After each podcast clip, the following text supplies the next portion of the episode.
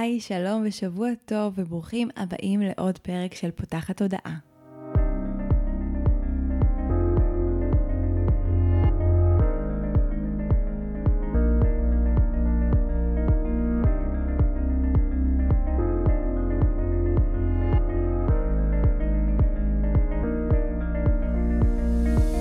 פותחת תודעה היא תוכנית שנועדה להביא רעיונות, לאתגר תפיסות קיימות ולפתוח את צורת החשיבה האוטומטית ושנהוגה אצל כולנו פחות או יותר לכל מיני כיוונים חדשים, שאולי גם יכניסו לחיים שלנו יותר כלילות, שלווה, זרימה, אהבה.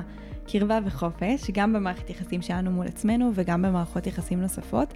אם עדיין לא פגשתם או הכרתם אותי, אני ניצן אלפסי, אני המנחה של הפודקאסט הזה, ובין היתר אני גם מנחת קבוצות ומאמנת תודעתית, מלווה תהליכי העצמה אישית בעזרת כלים מעולמות תת המודע, האנרגיה והרוח, ובפודקאסט הזה אני מארחת וגם מדברת בעצמי על נושאים שפוגשים אותי ומסקרנים אותי, ואני חושבת שהם בעלי ערך וחייבים להגיע לאוזניים נוספות וללבבות נוספים. בפרק של היום אירחתי את נועה דרי, שהיא יועצת ארגונית, מומחית לתקשורת בין אישית, מאמנת ומנחת קבוצות, והיא גם המייסדת של SQ, שזה ערכות שמאפשרות לעשות את כל זה דרך משחק. שלום לנועה. אהלן, ניצן, איזה כיף להיות כאן. אני גם ממש שמחה שאת אה, נמצאת כאן, והיום יש לנו נושא ממש מעניין של ההבדל בין אה, שכנוע לבין השפעה, ואיך אנחנו יכולים לעשות את כל זה באמצעות... אה, טכניקות אה, מיוחדות שאנחנו נרחיב עליהן בהמשך המפגש שלנו כאן היום. אה, ואני אשמח קצת אה, שנדבר על זה, כי גם דיברנו לפני בשיחה המקדימה, שהפודקאסט הזה נועד לפתוח תודעה. ולפתוח תודעה זה למעשה לעשות סוג של שינוי תפיסה. וכשאנחנו רוצים לשנות תפיסה של מישהו אחר, זה לא תמיד כל כך פשוט. אנחנו באינסטינקט שלנו הרבה פעמים עושים את זה מתוך מקום של שכנוע, של להכריח, של אפילו לכפות קצת על בן אדם להאמין במה שאנחנו מאמינים, לחשוב בצורה שבה אנחנו חושבים. אה, והבאתי אותך כאן היום כדי שבאמת נלמד ונדבר על מה אנחנו יכולות לעשות אם אנחנו רוצות שהצד השני אה, ישתכנע ממקום נעים, יתחבר לאותם ערכים שאנחנו מדברות עליהם, בין אם זה, אה, זה יכול להיות בזוגיות שלנו בכל מיני קונפליקטים שאנחנו נמצאות, זה יכול להיות עם חברה שאנחנו לא בהכרח מסכימות, זה יכול להיות עם אנשים בעבודה, זה יכול להיות בהרבה מאוד מסגרות. אוקיי, okay, אז קודם כל, אה, כל הנושא הזה של, אה, של השפעה ושל שינוי תפיסה, הוא באמת אחד הנושאים הכי מרכזיים כשאנחנו מדברים על מיומנויות תקשורת בין אישית. זה נראה קל, וזה נראה דבר שהוא אמור להיות דבר של מה בכך, כשבפועל אנחנו מגלים שזה הרבה יותר מורכב. אז כשאנחנו רוצים לדבר על השפעה, אז מעבר לזה שאנחנו רוצים שזה יהיה נעים, אנחנו שואפים שזה יהיה לטווח הארוך. מה זאת אומרת? כשאנחנו רוצים לשנות למישהו תפיסה, ואולי בעצם כדאי ללכת צעד אחורה ולפרק רגע את הדבר הזה של שינוי תפיסה, כי זה נשמע דבר נורא נורא גדול. אבל זה יכול להיות דבר נורא פשוט, כמו אני רוצה אה, שהבן זוג שלי אה, יעשה משהו שהוא לא עושה בדרך כלל, כלומר זה איזשהו שינוי התנהגות, למשל שישטוף כלים אחרי שהוא אוכל סתם, דבר כזה, זה גם יכול להיות להפך, כן? כאילו לכל הגברים שמאזינים לנו. אה, ו...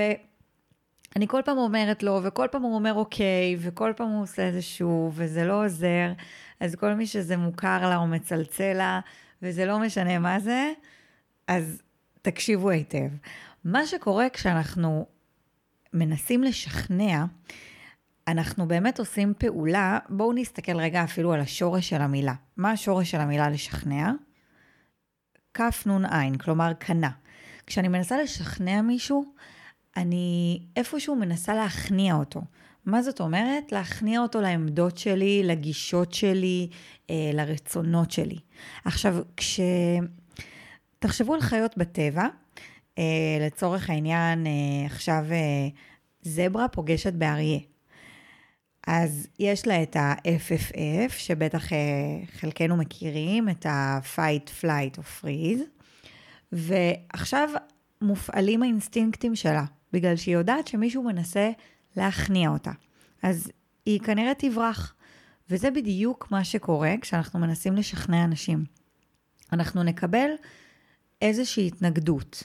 אנחנו נקבל אחת משתי התנגדויות, או התנגדות סמויה, שהיא יותר כמו לברוח, או התנגדות גלויה, שהיא יותר כמו לתקוף בחזרה.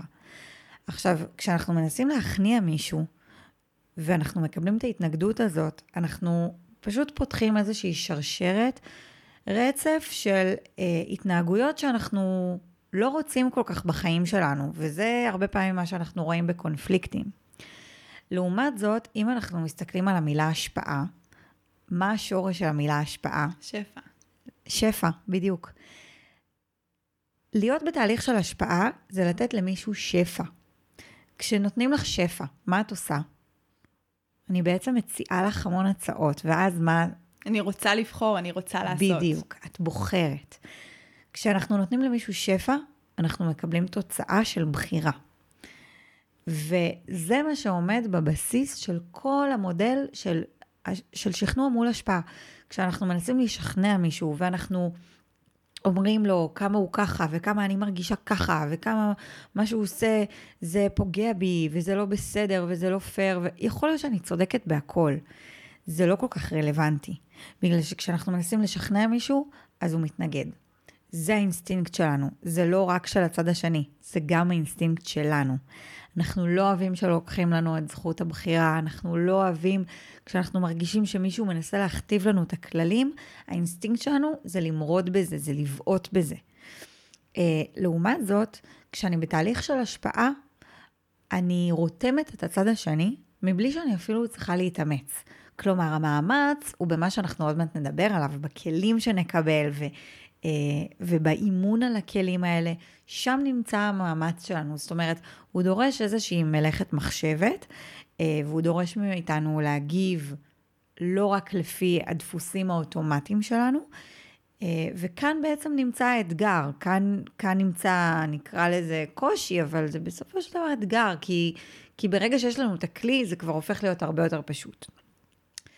מה שכן חשוב אה, לומר זה שגם אם כשאני משכנעת, אני חושבת שאני עושה עבודה טובה, הרבה פעמים האפקט של זה יהיה לטווח מאוד מאוד קצר. תחשבו, באמת, תחשבו אתם, אם אנחנו כבר מדברים על השפעה, ועוד מעט נדבר על איך אנחנו עושים את זה.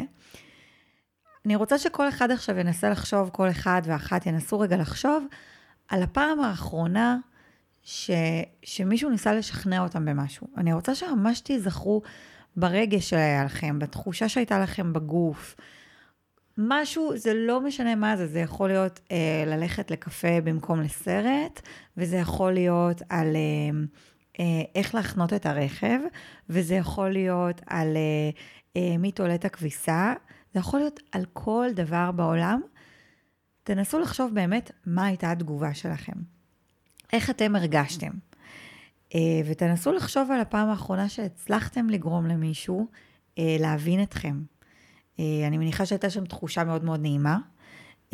ואם תנסו רגע לשחזר מה עשיתם שם שעבד, אז אני מניחה שאתם תגלו שבסופו של דבר עשיתם איזשהו מהלך ששינה לא רק את דפוסי ההתנהגות לטווח הקצר של הבן אדם השני, אלא ממש את דרך החשיבה שלו. אם אנחנו מנסים לחשוב על מה משנה את הדרגי חשיבה שלנו, אז זה בדרך כלל באמת העובדה שפשוט שואלים אותנו שאלות. אה, ואנחנו עוד מעט נראה איך אנחנו עושים את זה נכון, כלומר איך אנחנו משתמשים בזה כדי להיות בתהליך של השפעה. אני מוצאת את מה שאמרת ממש מרתק. קודם כל, אה, לא חשבתי על זה אף פעם, על הנושא הזה של השכנוע והקנייה, ואוטומטית המנגנונים שזה מייצר אצלנו. אני כן יכולה לזהות, ישר שדיברת כאילו על מתי אה, ניסו uh, לשכנע אותי, אז סתם הייתה לי סיטואציה הכי כאילו קטנה מהסופה שעם איליה, שנסענו לדרום לראות את המטר מטאורים, ואני רציתי להישאר במקום כזה עם יותר אנשים, שאומנם אולי טיפה רואים בו פחות, אבל כן, בסוף אתה ישן בלילה במדבר, רציתי להרגיש מוגנת, והוא רצה להתקדם למקומות יותר מבודדים. אז בסוף כל אחד משך לצד שלו, אבל זה באמת נעשה מתוך איזשהו כעס כזה של...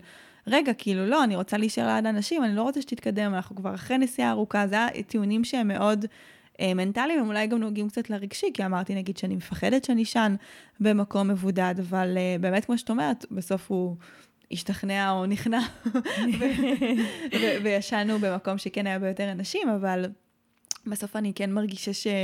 זה יצר בינינו איזושהי אנרגיה כזו פחות נעימה, וזה באמת קורה הרבה פעמים בשכנוע, שאני חושבת שזה גם מאוד מתקשר למה שאמרת, שזה לא מחזיק לאורך זמן, כי הבן אדם לא עשה את זה כי הוא באמת רצה, הוא עשה את זה כי הוא מרצה, או כי הוא נכנע, או כי כרגע הוא רוצה להשכין איזשהו שלום בית, או לא לייצר דרמות, או לא לחרבן את, ה, את החוויה ואת האירוע, לא משנה באיזה סיטואציה זה, זה נמצא, אבל באמת, התחושה בסוף, אני חושבת שהיא אפילו יכולה... להרחיק, בהנחה שזה גם מערכת יחסים מכל סוג שהיא קרובה, משפחה, בני זוג, חברות, זה ממש יוצר קרע מסוים, כי אני נורא מדברת uh, עם אנשים שאני מלווה על הנושא הזה של ריצוי.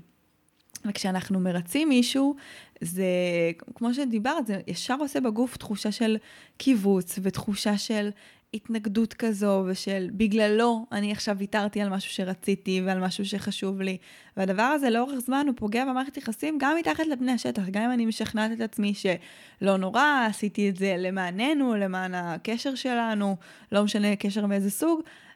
בסוף המחיר שלי למקום הזה שאני מרגישה שאני במרכאות בוגדת בעצמי, לא נאמנה לעצמי, לא פועלת לפי אה, הערכים והרצונות שלי, הוא יוצר איזשהו קרע. ואני חושבת שבאמת בהשפעה, סביר להניח, זה תכף את תגידי שיש פחות את המקום הזה, כי אני לא מרגישה שריציתי, הבן אדם כן מצליח לגעת באיזשהו אופן בערכים שלי, באני מאמין שלי, בתחושות שלי, ואז אני, אני חושבת שדווקא נהפוך הוא, זה יכול להיות משהו שמאוד מחזק מערכות יחסים, במקום מרחיק אותן.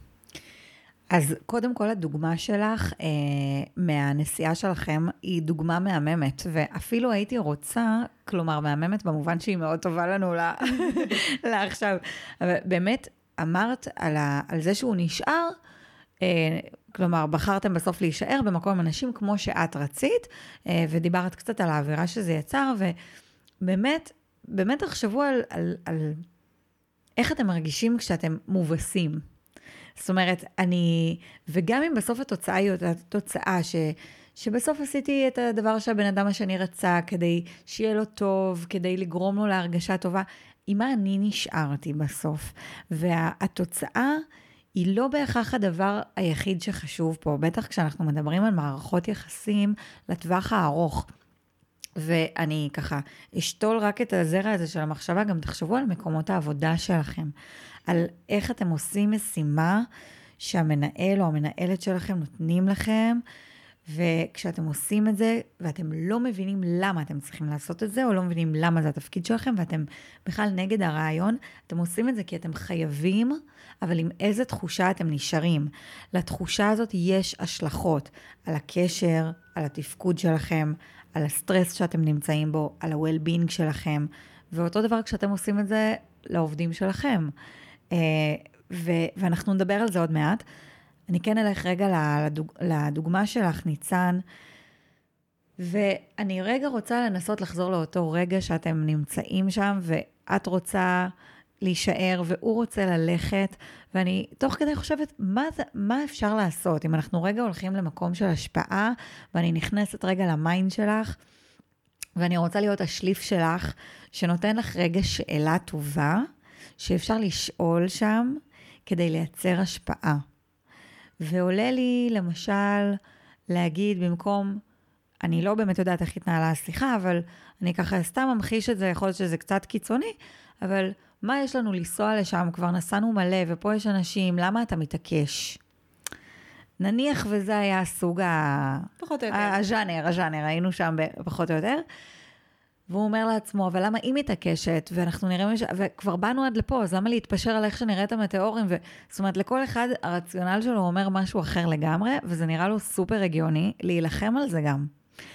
אבל אם הייתי במקום ה... למה זה כל כך חשוב לך, או למה את כל כך מתעקשת, או מה אתה חופר, או מה את אה, עושה לי דווקא, והיינו הולכים למקום של להגיד, תגידי, רגע, ניצן, אז בואי, בואי רגע ננסה להבין מה בא לנו, ולדבר שנייה רגע ברבים. מה, מה, מה הכי חשוב לנו שיהיה עכשיו? ולחזור רגע למקור, ללמה בכלל נסענו לפה? כאילו, נסענו שיהיה כיף. אוקיי, מה יעשה לנו כיף? אוקיי, להיות ביחד. וחוץ מלהיות ביחד, מה, מה, מה חשוב לך? מה, מה הסיבה ש, שאנחנו רוצים שם? ומה הסיבה שאת רוצה פה? ובואו רגע נראה איך אפשר מה אנחנו מחליטים ביחד. כבר זה שהפכנו את זה לדבר באנחנו, וביטלנו את, ה... את שני צידי המתרס, ונזכרנו שבסוף זו הייתה חוויה שהבסיס שלה היה זמן איכות ו... ולהיות אחד עם השנייה. כבר הוריד מאיתנו הרבה הגנות. הגנות שהביטוי שלהם הוא התנגדות. עכשיו, אני בטוחה ש... שמה שהכי חשוב לו זה שלך יהיה טוב וכיף ו... ונעים. וברגע שהפרשנות שלו היא כבר לא זה שזה בא על חשבונו, אלא זה שזה בא לטובתך, אז כבר כל התגובה לזה היא שונה. אז יש כמה דברים בתוך uh, לייצר השפעה. כבר ראינו את העניין הזה של לשאול שאלות בצורה אחרת, אוקיי? למשל, לבטל את הלמה. למה אתה מתעקש? את הדברים שהמסר שלהם בסאבטקסט הוא שיפוטיות. Uh, כבר דיברנו על לדבר ב...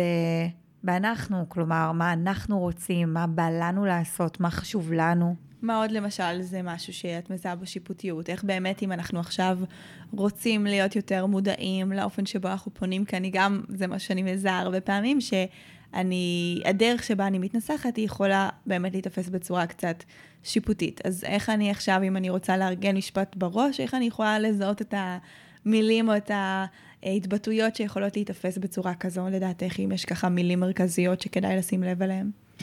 מעולה. אז קודם כל זו שאלה מצוינת, אה, ואני רוצה לענות עליה דרך המודלינג רגע של השפעה, ולשאול אותך, מה עושה לך בדרך כלל אנטי? תנסי לחשוב על הפעם האחרונה.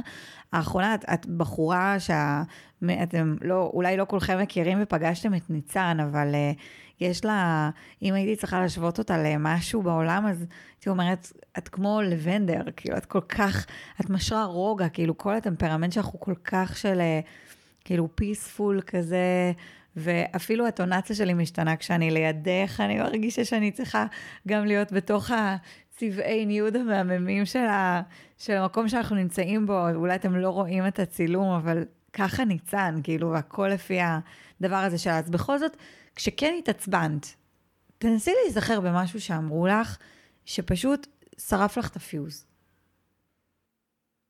כל מה, זה באמת כל דבר שיש בו איזושהי אשמה, של למה מעולה. את עקשנית, או אה, את, אה, מ, זה לא נאמר ככה, אבל נניח דברים שהסטאפטקסט שלהם זה את מבטלת אותי, או לא אכפת לך, או מקומות שבהם אני מרגישה שלא רואים אותי או לא מבינים את הכוונות שלי, אני אקרא לזה ככה. מעולה, אז, אז, אני, אז אני אתן לזה framing אחר, שכשקובעים לך את הרגש, כשלא נותנים לך מקום להגיד מה היה הסאבטקסט שלך או למה באמת התכוונת.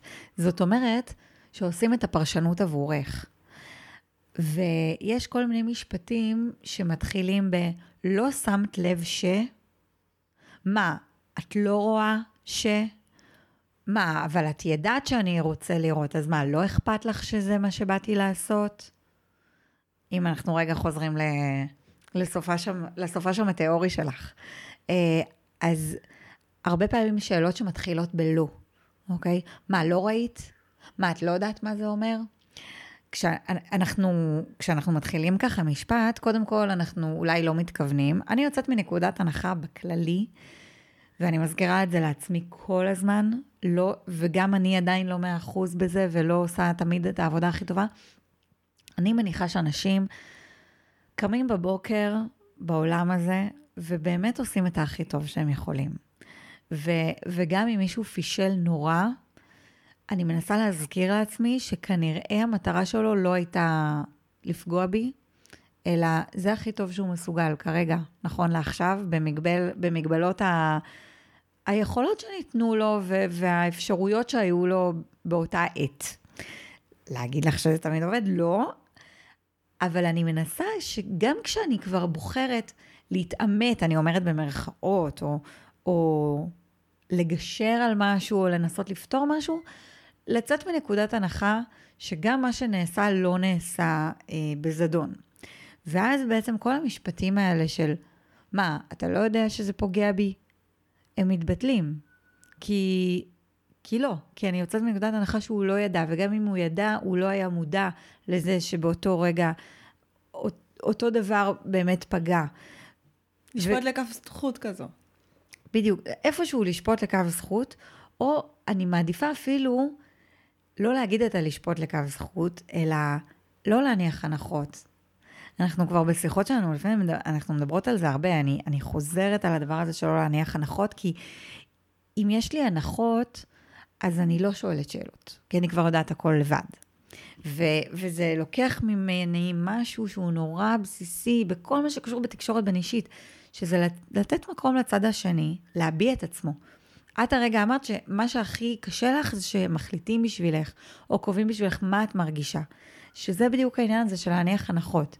אז דיברנו על הלמה, שהשאלה למה לכשלעצמה היא שיפוטית, היא מייצרת אנטי, ועדיף להחליף אותה באמת בשאלה מה הסיבה. עוד משהו שאמרנו זה על העניין של להתחיל את השאלה בלא. לא ראית, לא שמת, לא זכרת, או הכי גרוע, למה לא זכרת? שאלה שקצת קשה לענות עליה, אוקיי? אמ, ו, ובכלל כל הדברים שבאמת מייצרים מגננות ו, ותחושה של אשמה, את אמרת, שיפוטיות, קורים לנו דברים מאוד מאוד קשים כשאנחנו מרגישים אשמה. וכל אחד גם מגיב לזה אחרת. אה, אבל המטרה היא באמת לפתוח איזשהו דיסקשן שהוא עכשיו מוביל אותנו לאיזושהי מסקנה, לאיזושהי תובנה, אם זה לגבי עצמנו, אם זה לגבי הקשר, ואז משם אנחנו גם יכולים לשנות התנהגות שתחזיק מעמד, אוקיי? ש, שאם אני מבינה למה אני עושה משהו, אני גם בפעם הבאה כבר אעשה את הדבר הזה אחרת. אולי כדאי לתת רגע איזו דוגמה מעולם העבודה. אני זוכרת שכשהגעתי אה, היום אני באמת עצמאית, ו, ואני עובדת בעסק שלי, שזה בכלל אה, מעניין להיות הבוס של עצמך, חוויה מסוג אחר. אה, אבל אני זוכרת שכשהיה לי מנהל בעבודה הקודמת שלי, היה משהו שהוא היה מצפה ממני לעשות. הייתי מנחה סדנאות באיזושהי חברת ביטוח, ו, והוא היה מצפה ממני לשלוח זימונים.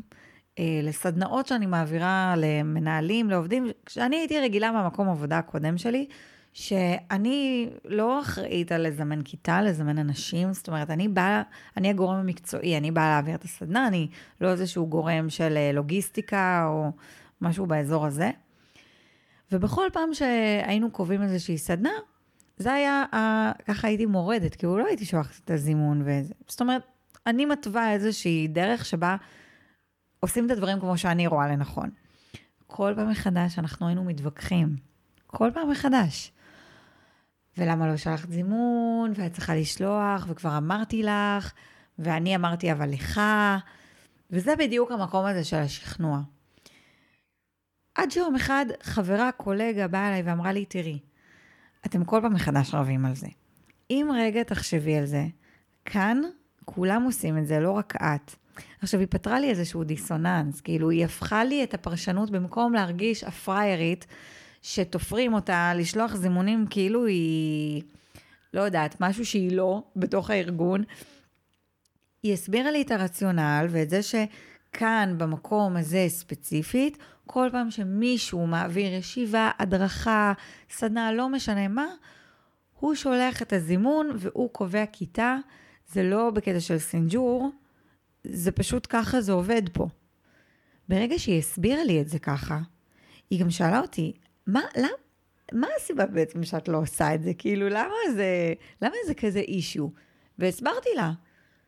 ואז היא אמרה לי, אוקיי, מבינה, בתכלס, מה זה דורש ממך? לרגע התייבשתי, כי זה באמת לא דורש כמעט שום דבר. כאילו, פתאום אני הרגשתי שהמלחמה שלי היא על כלום. אבל זה קרה רק מתוך זה שהיא שאלה אותי, מה, למה זה בעצם כל כך מפריע לך? למה את כל כך נאבקת בזה ומתנגדת לזה? זו שאלה שהיית ממליצה לשאול את הצד השני, למה זה מפריע לך? כי, כי דיברנו על, על נגיד, לא, להיזהר עם הלמה. נכון, אז, אז איך... באמת הניסוח, הניסוח אפשר תמיד, תמיד להחליף את הלמה במה הסיבה. או לפעמים אפילו שווה להחליף את הלמה ב, אה, ב, במילה אחרת שהיא נגיד כמו איפה או כמו איך, אנחנו עוד מעט נראה איך זה בא לידי ביטוי, אה, ולנסות פחות לשאול, לשאול למה, לשים לב לזה עם עצמנו, בכללי. אבל ה- ה- הנקודה פה היא באמת זה שבמקום להמשיך את, ה, את, ה, את ההתנגדות, את הללכת עם הראש בקיר, לנסות רגע לערער על קיומו של הקיר, ולהגיד, מה, מה זה הקיר הזה בעצם? מה, מה הוא עבורך? מה, מה ההתנגדות הזאת? מאיפה היא מגיעה? אוקיי? ו, ובמקום להגיד, לא, אבל כן בוא נלך לשם, לא, אבל בואי כן נשאר פה, אבל, או, או זה לא התפקיד שלי אה, אה, לנקות ביום אה, כך וכך, וזה כן התפקיד שלך, או לא משנה מה. אנחנו יכולים לקחת את זה לאלף כיוונים שונים. או אמרתי לך שלא תלך לראות את המשחק, או ביקשתי ממך לא לצאת היום עם חברות. לנסות רגע להבין מה, מה בעצם רצית שיקרה, או מה נגיד חשוב לך היום, מה היית רוצה לעשות היום, מה, מה, מה הסיבה שלך חשוב שנלך לשם. ומתוך המקום הזה, הרבה פעמים אנשים מבינים שההתנגדות שלהם היא רק על העיקרון. ואין שם באמת שום דבר מאחורי זה, כמו שאני הבנתי, שאין שום דבר מאחורי זה שאני לא שולחת את הזימונים האלה, חוץ מפרינציפ. של ילדה קטנה, ו- ואני לא ילדה קטנה, אני עברתי את גיל 30, ויש שם איזה משהו, איזו התנגדות בסיסית ש- שעומד מאחורי משהו שהוא בדרך כלל נורא נורא טבעי ובסיסי, כמו התחושה של אה, חוסר הוגנות, או התחושה של חוסר שליטה. ואני הבנתי שאני בסוף מרגישה פריירית, וברגע שפתרו לי את זה, ואני מבינה שכולם עושים את זה, ולא רק אני, זה לא נגד נועה, אלא זה כולם עושים, ביטלו לי את הקטע הזה של להרגיש פריירית, ועכשיו אני שולחת זימונים בכיף ובהנאה. יש לי שאלה בהקשר הזה, כי זה, בסוף את מתארת פה איזושהי שאלה שפתחה תהליך של חשיבה אצלך. זאת אומרת, השאלה שאותה בחורה שאלה אותך, יצרה אצלך התבוננות פנימה שהצליחה להסתכל בצורה, אה, אני אגיד ביקורתית, אבל לא בקטע רע, אלא בצורה רגע שמתבוננת בעיניים קצת אחרות על מה שאת עושה. וזה באמת משהו שמצריך אה, בעיניי איזושהי רמת בגרות, איזושהי רמת מודעות מסוימת. אה, ולפעמים אני מרגישה שלא כל מי שאנחנו באים איתו בשיח הוא בהכרח... נמצא בעמדה כזו בחיים בכלל של להתבונן במה שאני עושה, להטיל ספק, לראות מאיפה הדברים מגיעים ולהיות מוכן לשנות. זאת אומרת, לפעמים העיקרון הזה הוא הרבה יותר חזק מהשיקוף שהשאלה מייצרת. את חושבת שזו הנחה שהיא, שהיא נכונה, או שיש גם דרך לעבוד עם אנשים שנמצאים ברמת מודעות יותר, נקרא לזה, מצומצמת, או פחות פתוחים להתבוננות, לשינוי? לפעמים זה גם נטו עניין של אגו, זאת אומרת, המקום הזה של, את בסוף היית צריכה להודות שהיית במרכאות סתם עקשנית, והכול בסדר. אז יש אנשים שהלהודות שהמאבק שלהם היה לשווא מאוד מאוד חורה להם, או, או מייצר אצלם התנגדות, ולכן הס, הסיכוי שלנו לשכנע אותם מרגיש שהוא קטן יותר. איך מתמודדים בעינייך במצבים האלה?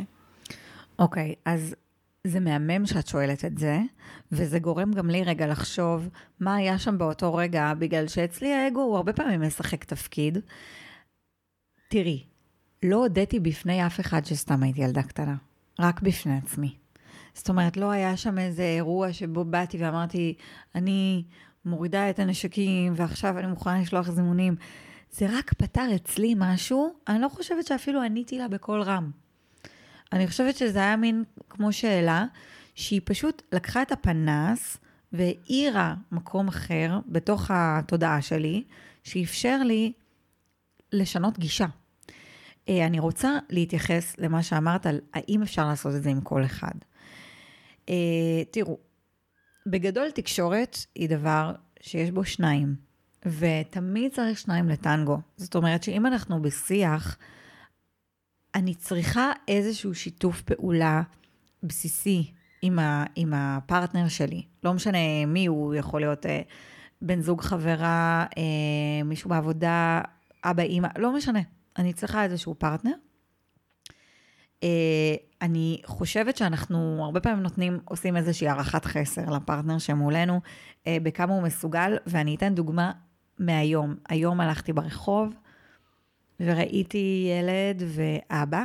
הילד היה, אני חושבת, באזור גיל שלוש אולי, שלוש-ארבע, אה, והוא הלך עם אבא שלו ברחוב, והוא אמר לו, אבא תרים אותי, אבא תרים אותי, אבא תרים אותי.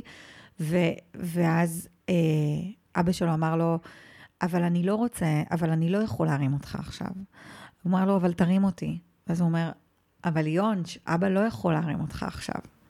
וזה היה פינג פונג כזה, שמעו את זה מאוד מרחוק, ולכן הספקתי לשמוע די הרבה ממנו.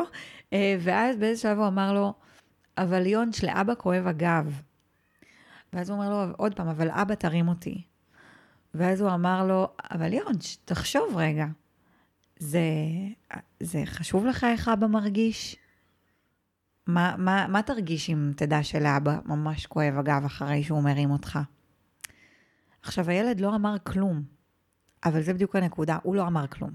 הוא הפסיק להגיד כמו איזה תקליט שבור, אבא, אבל, אבל אבא תרים אותי, אבל אבא תרים אותי.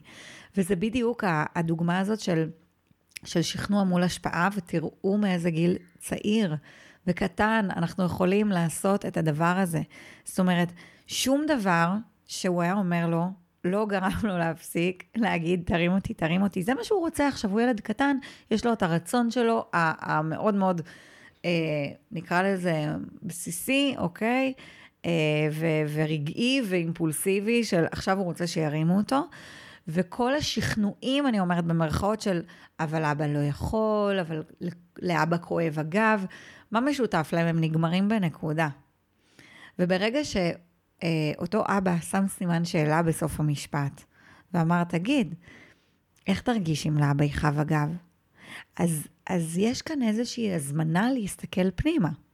וכששואלים אותנו שאלה, וזה לא משנה, מהרגע שאנחנו יודעים לדבר, כששואלים אותנו שאלה, אנחנו חושבים על תשובה. וכשאנחנו חושבים על תשובה, יש מנגנון השהיה לאמירה האוטומטית שלנו. כלומר, במקום לראות חזרת ההתנגדות, אנחנו רגע חושבים על מה ששאלו אותנו, בצורה הכי הכי בסיסית ותמימה שיש. אה, והיופי הוא שיש את זה לכולנו. כלומר, אני לא צריכה אה, אה, תואר או דוקטורט, ב, ב, לא בשום תחום, לא בשאלת שאלות ולא בפסיכולוגיה ולא בשום דבר, בשביל פשוט לדעת לשאול שאלה. ובהקשר הזה, אמרת מקודם, ניצן, אה, איך, איך אני כאילו, איך אני, איך אני עושה את זה? כאילו, איך אני משתמשת בשאלה הנכונה? אז אני חושבת שאולי זה הזמן באמת לדבר רגע על, על סוגי שאלות שיש לנו. מעולה. ואני חושבת שהרבה פעמים כשאנחנו חושבים על שאלה, כלומר, גם מה הבעיה שלך, זאת שאלה, נכון? וגם uh, לשאול מישהו, אבל, uh, אבל כמה פעמים אמרתי לך את זה? זאת גם שאלה. אז בואו רגע נראה איזה שאלות בכל זאת כדאי לנו לשאול, ומאיזה שאלות אנחנו, לא יודעת אם מעדיפים להימנע, אבל הן לא כל כך משרתות את המטרות שלנו. ובאמת אפשר לדבר על שני סוגי, אה, אפשר לדבר על המון סוגי שאלות, אבל אני חושבת שנכון לעכשיו אפשר לדבר על שני סוגי שאלות, אה, שאחד מהם נקרא שאלות מצב. לצורך העניין, אם אני עכשיו אשאל אותך, ניצן, אה, באיזה חודש נולדת? אוקטובר. ומה מידת הנעליים שלך? 39. ואיפה את גרה? פלמחים. אז שלפת את התשובות האלה נורא נורא מהר, נכון?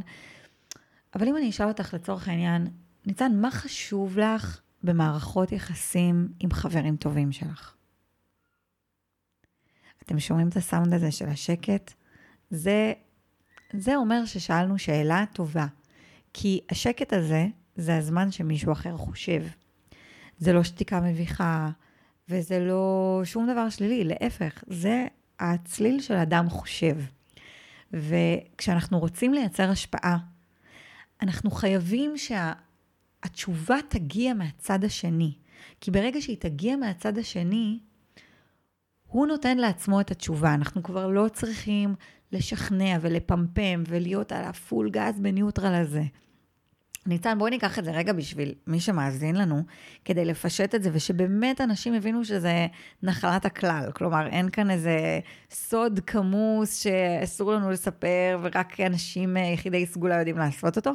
באמת, בואו נלך את זה, לעולם הזה של, של מכירות, בין אם אתם עוסקים במכירות, או בין אם מוכרים לכם כל הזמן, מיליון פעמים ביום, אתם אפילו לא יודעים כמה. כשאני עכשיו רוצה לגרום למישהו, לצורך העניין, אה, לקנות... אה, רכב, בסדר? אני עכשיו מוכרת רכבים, זה, קחו את זה לכל דבר, זה יכול להיות קפה, זה יכול להיות בגד בחנות, זה יכול להיות אה, את אסקיו, שאני כל היום מוכרת את זה לאנשים. אני יכולה לבוא מתוך מקום של, תקשיבי, ממש ממש כדאי לך הרכב הזה עכשיו, קודם כל הוא במחיר מעולה. והרכב שיש לך עכשיו, הוא גם ככה, אני רואה שהוא לא משהו. ואת בטח, אה, את גרה במקום קצת אה, זה, אז בטח משתמשת הרבה ברכב, ואני חושבת שממש ממש כדאי לך ללכת על הדבר הזה. כנראה שאת או תנתקי את הטלפון, או הדבר הראשון שתגידי זה לא. נכון, אני כבר מרגישה שאתה, לא, לא, כאילו, אל תחליטי בשבילי. יפה. כמה החלטות עשיתי פה בשבילך? כמה הנחות הנחתי לגבייך? כשעושים את הדבר הזה איתנו, אנחנו פשוט, אנחנו נאטמים. וגם איזשהו מנגנון, איזשהו נתיב מאוד מאוד מודע במוח שלנו, אה, מה שהוא עושה ברגעים האלה, זה הוא מפעיל, כל, ה, כל האזעקות שלו פועלות עכשיו.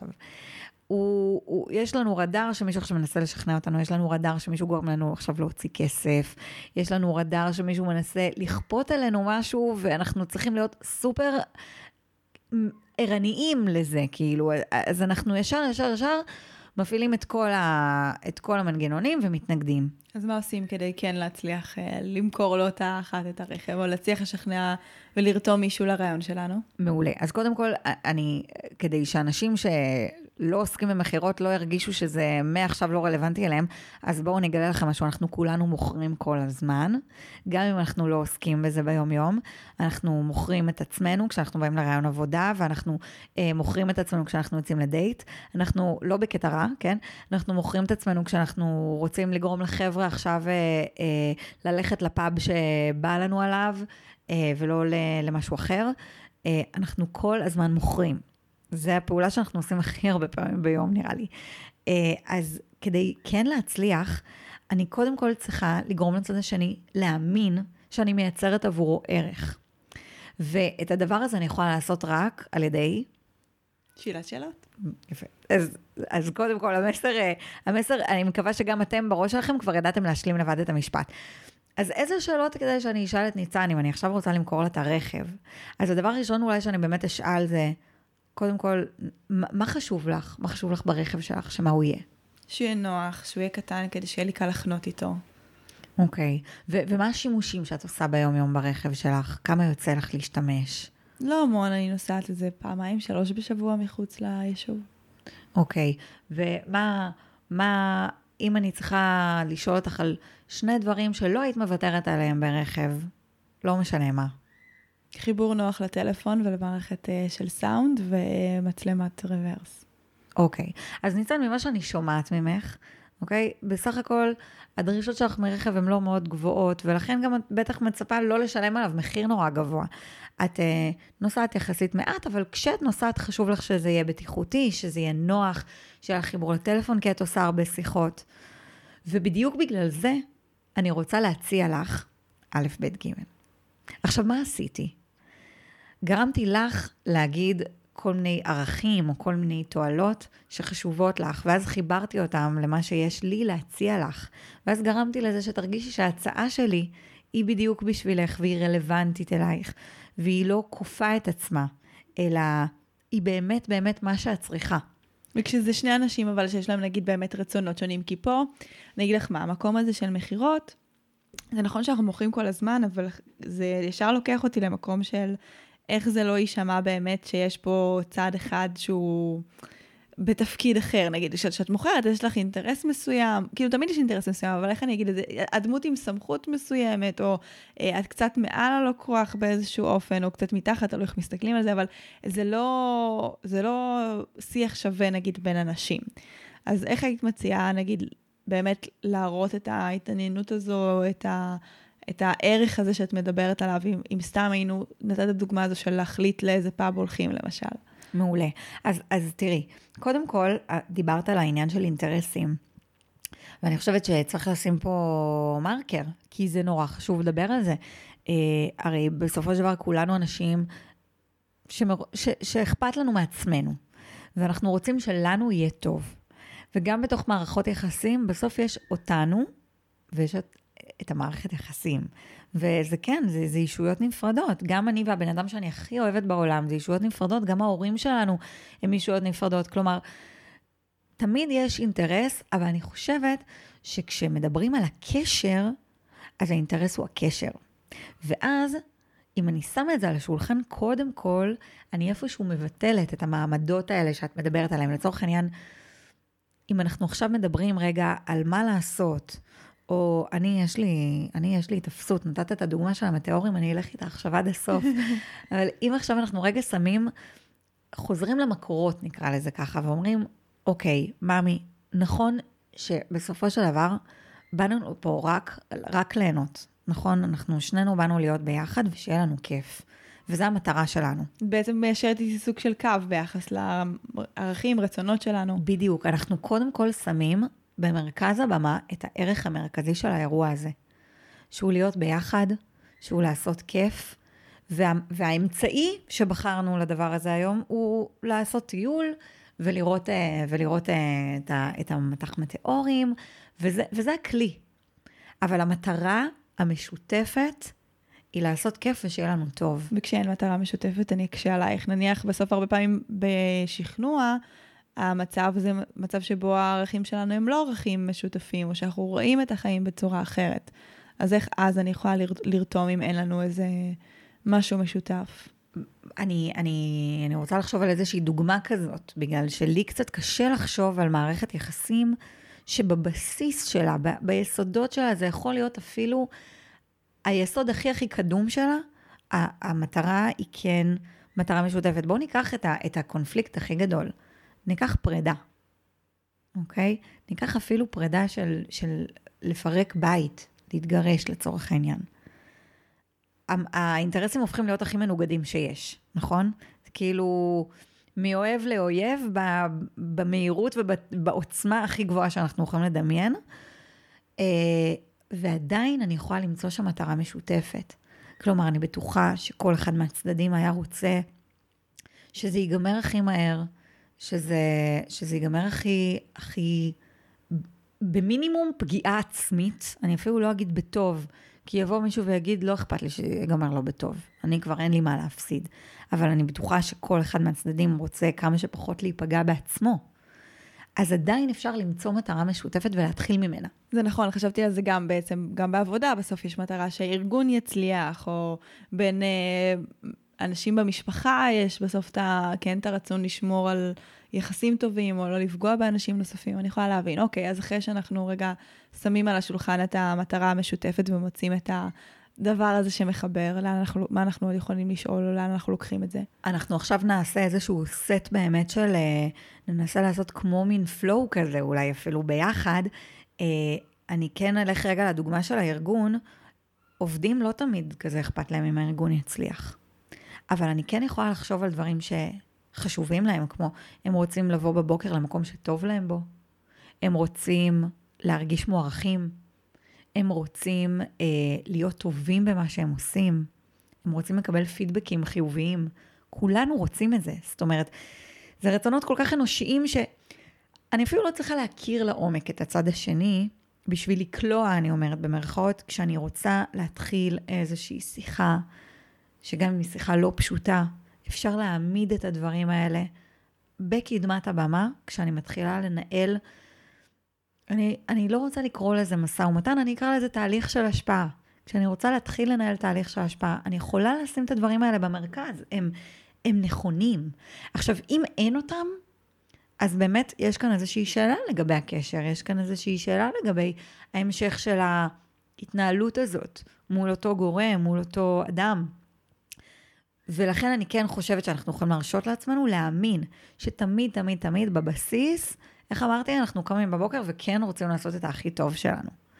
אוקיי? ו- וצריך למצוא את האיך, באמת צריך למצוא ביחד את האיך. את ה... אני קוראת לזה ה... את הסטארטר של כל אחד.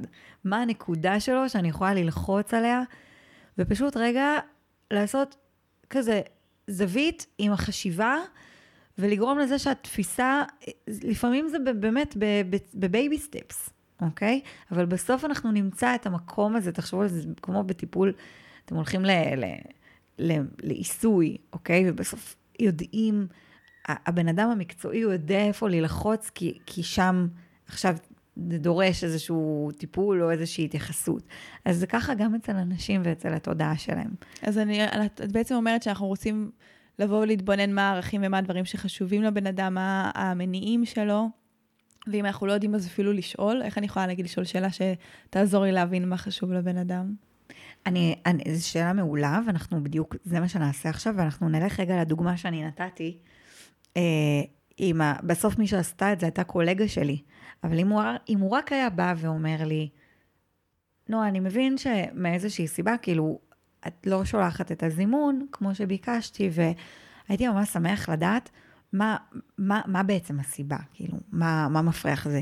זה מסובך לך, זה, זה, זה גוזל ממך הרבה זמן, אולי אני יכול לעזור. ואם הוא היה שואל אותי את השאלה הזאת, אז עוד לפני שהייתי בכלל עונה, הייתי מבינה ששום דבר לא כל כך מפריע לי בזה, שיש שם משהו אחר. יש שם איזושהי התנגדות סמויה שעליה אני לא מדברת. ואז היינו יכולים לדבר עליה ומתוכה באמת להבין. אז כן, השאלה מה המניע, או מה גורם לך להתנהג ככה, או מה הסיבה שחשוב לך להישאר כאן, או מה, מה הסיבה ש, שאת כל כך רוצה שניסע לצפון ולא לדרום בחופש הזה? או מה הסיבה שאת כל כך מתנגדת לזה ש... ו- ואם אני, והשאלה הזאת, מה חשוב לך, היא שאלת בסיס ב- בדבר הזה. כי היא גם חושפת אה, התנגדויות סמויות, והיא גם נותנת המון המון מקום לצד השני. רגע להגיד מה חשוב לו.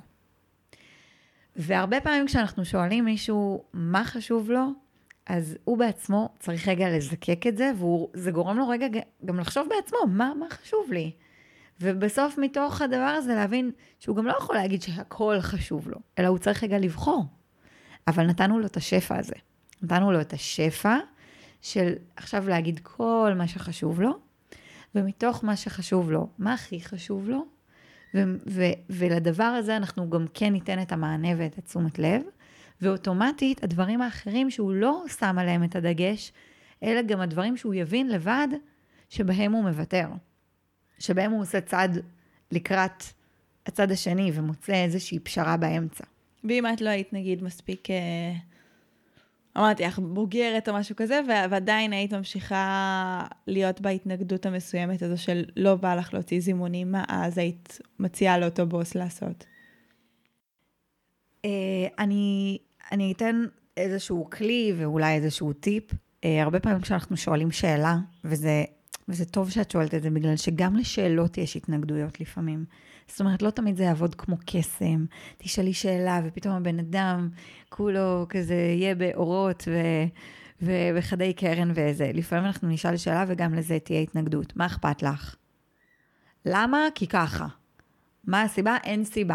למה חייבת להיות סיבה כל הזמן? חשוב לתת צריך המון סבלנות, כן? אני לא אומרת שזה פשוט, ש, שזה יהיה ברור ומוקלט. שלא אמרתי שזה פשוט.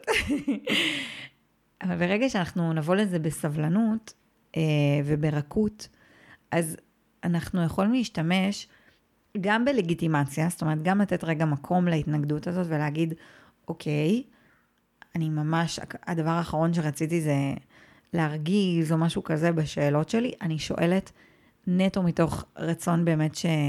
שאנחנו נפתור את הדברים רגע, ונמצא גם, באמת בא לי שנמצא משהו ש... ששנינו נהיה מרוצים ממנו, כי אני יודעת שרק ככה יהיה לנו כיף. אז אולי בכל זאת, גם כשאני מקבלת תשובה ש... של לא יודע, לא יודעת, אוקיי, ובכל זאת, הקסם הרבה פעמים בא אחרי הבכל זאת.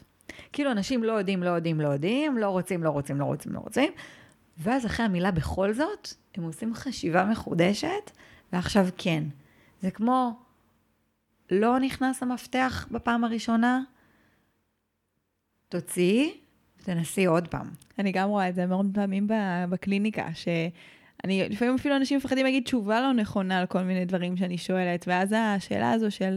אוקיי, אם היית צריכה לנחש, או אם היית צריכה כאילו לשער מה זה הדבר הזה, גם אם את לא יודעת, אם היית צריכה להניח איזושהי הנחה, הדבר הזה עוזר הרבה פעמים לעלות על הנקודה.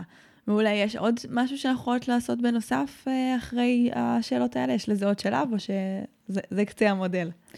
אני חושבת ש... 아, אה, תראי, המודל הזה הוא כמו, הוא כמו בבושקה. הוא אף פעם לא ממש נגמר. בוא, אולי נעשה רגע סדר במה שכל מה שאמרנו עד עכשיו, ו, ואז יהיה יותר קל להבין מה עוד חסר לנו. אה, דיברנו על שכנוע מול השפעה, דיברנו על זה ששכנוע זה, זה כמו להכניע, אה, זה הרבה פעמים יבוא באמירות או בהרצאות או בשכנועים שהם כזה, כמו פימפום כזה של הרעיון שלי וזה וזה וזה וזה, ורק אני מדברת והצד השני בדרך כלל שותק. אה, ואז בסוף התוצאה של זה תהיה איזושהי התנגדות. היא יכולה להיות התנגדות בלהחזיר לי, היא יכולה להיות התנגדות בלהיסגר, ובכלל לא לרצות להמשיך את השיח. ואז דיברנו על השפעה, ואמרנו שבהשפעה אנחנו נותנים שפע. השפע הזה קורה דרך לשאול שאלות. השאלות האלה צריכות להיות לא שאלות מצב, שהן גורמות להרגיש כזה שאני מאכילה בכפית. אבל נכון שאמרתי לך אתמול? נכון. ונכון שהזכרתי לך שלוש פעמים? נכון. ונכון ששלחתי לך הודעה? אוקיי? הן צריכות להיות שאלות תפיסה, שזה שאלות פתוחות, שזה שאלות שגורמות לצד השני באמת לחשוב מעבר לאוטומט. שאלות שאני לא יכולה לשלוף מהמותן. אני חייבת ככה להסתכל ב-back of my mind ולנסות למצוא שם את התשובה. אמרנו שהרבה פעמים יהיו גם התנגדויות לשאלות, אה, ולכן צריכה לשים לב שאני שואלת את השאלות בצורה הכי פחות שיפוטית שאני יכולה. פחות למה, פחות לא, פחות פחות, אוקיי? אה, ולשים את זה באמת במקום של ניסיון רגע לגרום לצד השני לרצות לשאול את עצמו את השאלות, לרצות להיות איתי בשיח הזה. אה, זה לא תמיד יעבוד מההתחלה, אבל ככל שאנחנו שואלים את השאלות בצורה שהיא יותר מזמינה, ואנחנו מעמידים את הערכים שחשובים גם לנו וגם לצד השני, והם בסוף, הם לא הולכים נגד, הם הולכים עם, הסיכוי שנצליח להשפיע על התפיסה ולשנות לצד השני, זה לא צריך להיות לשנות את כל הגישה שלו. זה לא צריך להיות מזה שהוא מצביע אה, אה, ימין, פתאום הוא יצביע עכשיו הכי הכי שמאל. אבל באמת, תחשבו על זה, תחשבו, היה לא מזמן בחירות, כמה וכמה מערכות של בחירות, תמיד מדברים על פוליטיקה, כזה החבר'ה, ואז אה, יש שני אנשים שהם אה, חושבים אחרת, וכל אחד מנסה לשכנע את הצד השני. כמה פעמים יצא לכם לראות מישהו משנה את, את ההצבעה שלו? אף פעם. בסיטואציה כזאת, אף פעם, נכון? כאילו, פעם מישהו התווכח על פוליטיקה, ואז, ואז הצד השני אמר, יואו, נכון, בואנה, הוא צודק. אני עכשיו, אני שמה זה... בחיים לא. להפך, אנחנו רק מתבצרים. אבל אם הייתי באה ואומרת למישהו, תגיד, מה הדבר שהכי חשוב לך שהממשלה הבאה תעשה? אוקיי, ומה היית, על מה היית מוכן שנוותר כדי ש? ואיזה דברים היית רוצה לראות שהממשלה הבאה משיגה? מה בתקציב הכי קריטי לך? ומתוך התשובות להגיד, אוקיי, אז אם זה מה שחשוב לך, אז שים לב, מה עשו כך וכך, או מה כתוב במצע של כך וכך, זה יבוא רק משם. מדהים. זה יבוא רק מזה שאנחנו נהיה בלי ההגנות שלנו, נגיד מה באמת באמת חשוב לנו, וככה אנחנו, וככה אנחנו יכולים איכשהו להשפיע על, על, על הדבר שהבן אדם השני עושה. מעולה, אני חושבת שסיכמת את זה בצורה מושלמת, והייתי רוצה אפילו להשאיר את המאזינים שלנו בדיוק עם זה, עם ה... רגע לבוא ולהתבונן איפה אני יכולה לבוא מתוך מקום אחר, מתוך שיח שהוא הוא, הוא רואה את הצד השני, ואני חושבת שתמיד כשאנחנו רואים את הצד השני, אנחנו יכולים באמת להתקרב אליו, והמקום הזה של לשאול את השאלות מאפשר לי לא לראות רק את עצמי, את התועלות שלי, את הכוונות שלי, אלא גם באמת להתבונן בצד השני ובמה שחשוב לו. וזה המפתח בעיניי של כל תקשורת, אז uh, תודה רבה לך, uh, נועה דרי, uh, אני אשמח ככה שתגידי לנו בכמה מילים איפה אפשר uh, לשמוע עלייך, איפה אפשר למצוא אותך, ככה למי שרוצה להעמיק בזה. היום באמת אני, עיקר העיסוק שלי זה, זה אסקיו, uh, שזה משחק שפיתחתי, משחק של שאלות, uh, שהמטרה שלו היא באמת לשפר תקשורת בין אישית ולעזור לנו לייצר שיח שהוא קרוב, שהוא אינטימי, שהוא זורם, שהוא עמוק, בלי מאמץ. אפשר למצוא אותי גם באינסטגרם, אסקיו ביי נועה, גם בפייסבוק, אה, ואני אשמח, אני אשמח לראות אתכם ושנדבר עוד מלא על שאלות, ושנשאל מלא שאלות ביחד. מדהימה שאת, תודה רבה שבאת. תודה לך, איזה כיף להיות איתכם. אז זה היה הפרק שלנו, אני מקווה שלמדתם ממנו והחכמתם ממנו. אני מרגישה שנועה סיכמה את זה מושלם, אז שהפעם לסיכום אין לי יותר מדי מה להוסיף, אבל אני כן אומר שאנחנו נכין לכם דף מסודר עם השאלות שכדאי לשאול ואיך כדאי לפנות, כדי שזה באמת יהיה לכם מול העיניים ויהיה לכם קל להשתמש בזה. אם אהבתם את הפרק הזה, אני ממש ממש אשמח שתשתפו אותו ותחלקו אותו עם אנשים שאתם אוהבים ברשתות החברתיות, או עם כל בן אדם שאתם חושבים שזה יכול לעזור לו, וגם עוד משהו שממש יכול לעזור זה שתדרגו את הפודקאסט באפליקציה שבה אתם מאזינים, זה יעזור להגיע לעוד אנשים ולפתוח להם את התודעה. כמו תמיד, אני אזמין אתכם לשאול שאלות וככה להציף את התחושות והרגשות שלכם מהפרק הזה בדף האינסטגרם שלי, ניצן אלפסי לבחור באור. תרגישו בנוח להעלות שם כל שאלה שיש לכם, אני אוהבת להמשיך את הדיון גם אחרי. אז אנחנו נתראה בפרק הבא, ותודה לכם שהאזנתם עד הסוף.